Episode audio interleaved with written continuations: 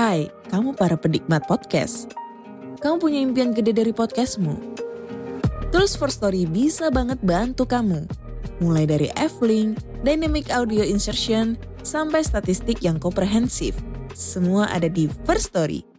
Gak ketinggalan kamu bisa monetisasi podcastmu lewat iklan dari First Story Ads yang bisa kasih kamu penghasilan dari setiap place podcastmu. Yuk gabung sekarang dengan klik di firststory.me. Sekali lagi, klik di firststory.me. Mari kita bawa mimpi podcastingmu menjadi kenyataan.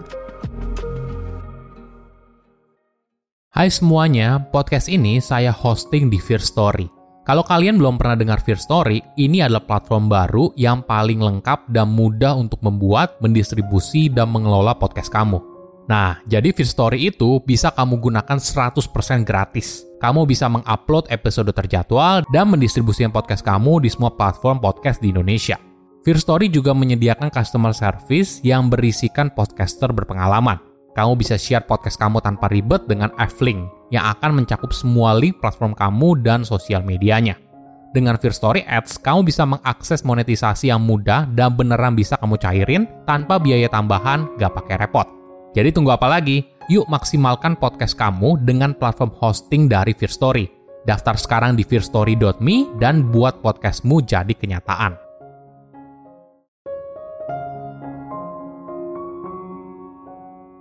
Orang hebat adalah orang biasa yang berpikir dengan cara yang berbeda. Kamu pun juga bisa seperti mereka, asalkan kamu fokus memperkuat fondasi berpikir, belajar dari kegagalan, dan bisa bertanya hal yang tepat. Halo semuanya, nama saya Michael. Selamat datang di channel saya, Sikutu Buku. Kali ini saya akan bahas buku The Five Elements of Effective Thinking karya Edward P. Berger dan Michael Starbird. Buku ini membahas cara membuat keputusan yang lebih baik dengan latihan berpikir efektif. Tidak peduli apakah kamu seorang pelajar, pekerja kantoran, atau bahkan wirausaha, kau perlu menguasai prinsip pola pikir dasar. Kenapa? Karena hal ini bisa membantu kamu untuk belajar, memahami sesuatu, hingga inovasi. Banyak orang sering kali ingin terburu-buru untuk bisa sesuatu, hingga melupakan hal dasar Hal dasar sering kali tidak diperhatikan dan langsung ingin belajar sesuatu di tingkat yang lebih tinggi. Tips lain yang penting adalah belajar mengajukan pertanyaan yang tepat. Setiap orang punya informasi yang kita butuhkan, namun mereka mungkin tidak tahu apa yang kamu cari. Jadi, itu tugas kamu untuk mengajukan pertanyaan yang tepat. Pertanyaan yang tepat seharusnya bisa memberikan kamu wawasan atau solusi baru Pertanyaan ini harus mengerucut dan langsung tepat pada apa yang ingin kamu ketahui.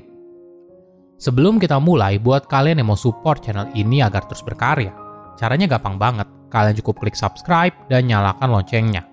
Dukungan kalian membantu banget supaya kita bisa rutin posting dan bersama-sama belajar di channel ini. Saya merangkumnya menjadi tiga hal penting dari buku ini. Pertama, semua dimulai dari fondasi yang kuat akar dari memiliki hidup yang sukses, entah itu di sekolah, bisnis, hingga kehidupan pribadi, adalah soal berpikir. Berpikir sering kali punya banyak nama, bisa saja menjadi intuisi, nilai yang dianut, seni membuat keputusan, atau kreativitas. Semua itu berhubungan dengan berpikir. Saking pentingnya berpikir, filsuf Yunani kuno pernah bilang kalau manusia itu adalah buah hasil pikirannya. Karakternya merupakan kumpulan dari apa yang dipikirkan. Nah, pertanyaannya, apa cara terbaik untuk memahami sesuatu? Apakah kau perlu belajar sebanyak-banyaknya tentang sebuah materi tertentu? Ternyata tidak. Kunci untuk memahami sesuatu adalah dengan menguasai hal dasarnya terlebih dahulu. Hal dasar ini menjadi fondasi dari setiap keahlian yang ingin kamu kuasai. Ini yang sering kali dilupakan. Seseorang yang ingin menjadi ahli berusaha mempelajari semua hal sekaligus – dan merasa kalau dengan mempelajari sebanyak-banyaknya, maka dirinya akan menjadi ahli. Padahal, seorang ahli justru lebih fokus untuk terus melatih fondasi dasarnya terus-menerus. Ketika kamu menghadapi sebuah masalah, jangan buru-buru untuk menyelesaikannya. Kadang, masalah yang terlalu besar bisa membuat kamu kewalahan. Mungkin awalnya kamu bisa mencari tahu apa sih akar masalahnya, lalu membagi tantangan itu menjadi target kecil yang harus diraih. Cara ini bisa membuat kamu bekerja dengan lebih efektif dan efisien. Coba bayangkan Badan Penerbangan dan Antariksa Amerika Serikat atau dikenal dengan nama NASA yang berusaha untuk memecahkan tantangan bagaimana mendaratkan manusia di bulan pada tahun 1960-an. Mereka tidak berusaha memecahkan tantangan ini dengan langsung mengirim manusia ke bulan, tapi mereka memulainya dengan roket tanpa awak yang diterbangkan ke bulan. Hanya ketika NASA berhasil menyelesaikan langkah ini, barulah mereka mencoba untuk mengirimkan manusia ke bulan. Sama halnya dengan industri penerbangan. Selama bertahun-tahun, kita mungkin melihat hewan yang terbang seperti burung, kelelawar, atau serangga, lalu mengambil kesimpulan semua hewan itu mengempakkan sayapnya. Berarti mengepakkan sayap merupakan rahasia untuk terbang. Namun jika kamu pernah naik pesawat, pasti kamu tahu kalau kesimpulan itu salah. Tapi sayangnya, ketika berusaha memahami sebuah fenomena, kita sering kali mengambil kesimpulan pada sebuah jawaban yang terasa benar. Padahal untuk mencari tahu akar masalahnya, maka kita perlu mencari tahu apa yang sebenarnya terjadi, yang sering kali tersembunyi di balik informasi yang tidak relevan. Misalnya dalam hal terbang, ketika seseorang mempelajari mekanisme terbang secara lebih mendalam, barulah mereka sadar yang membuat sesuatu itu terbang adalah karena lekukan sayap tertentu. Kedua, gagal itu pintu menuju sukses. Bagaimana cara kamu melihat kegagalan? Apakah ada sesuatu yang kamu tutupi karena dianggap sebagai aib? Atau kamu malah meluangkan waktu untuk memberikan jeda dan melakukan refleksi diri? Manusia tidak sempurna. Ada kalanya kita melakukan kesalahan. Namun yang membedakan orang hebat dan orang biasa adalah cara mereka dalam menghadapi kegagalan. Kegagalan bisa dilihat sebagai pelajaran yang berharga jadi, ketika mengalami kegagalan, pastikan kamu meluangkan waktu untuk benar-benar melakukan refleksi diri. Pencapaianmu dibangun di atas pelajaran hidupmu, dan kesalahan adalah dasar dari pelajaran yang berharga. Ini merupakan kenyataan pahit yang harus kita terima dengan lapang dada. Pil pahit ini harus kita telan apabila kita ingin maju. Jadi, ketika kamu membuat sebuah kesalahan, pahami apa yang salah dan tanyakan kenapa itu salah setiap kesalahan yang berhasil kamu identifikasikan akan menjadi pelajaran bagaimana menghadapi masalah serupa di masa depan. Thomas Alva Edison, salah satu penemu dan pengusaha paling berpengaruh dalam sejarah, percaya kalau penemuannya itu 1% inspirasi dan 99% kerja keras. Cara Thomas bekerja adalah dengan eksperimen, melihat apa yang salah, belajar dari situ, lalu coba lagi. Setelah Thomas berhasil menemukan bola lampu, dia ditanya soal eksperimennya yang gagal. Thomas lalu menjawab, saya tidak gagal, saya hanya menemukan 10.000 cara yang tidak berhasil.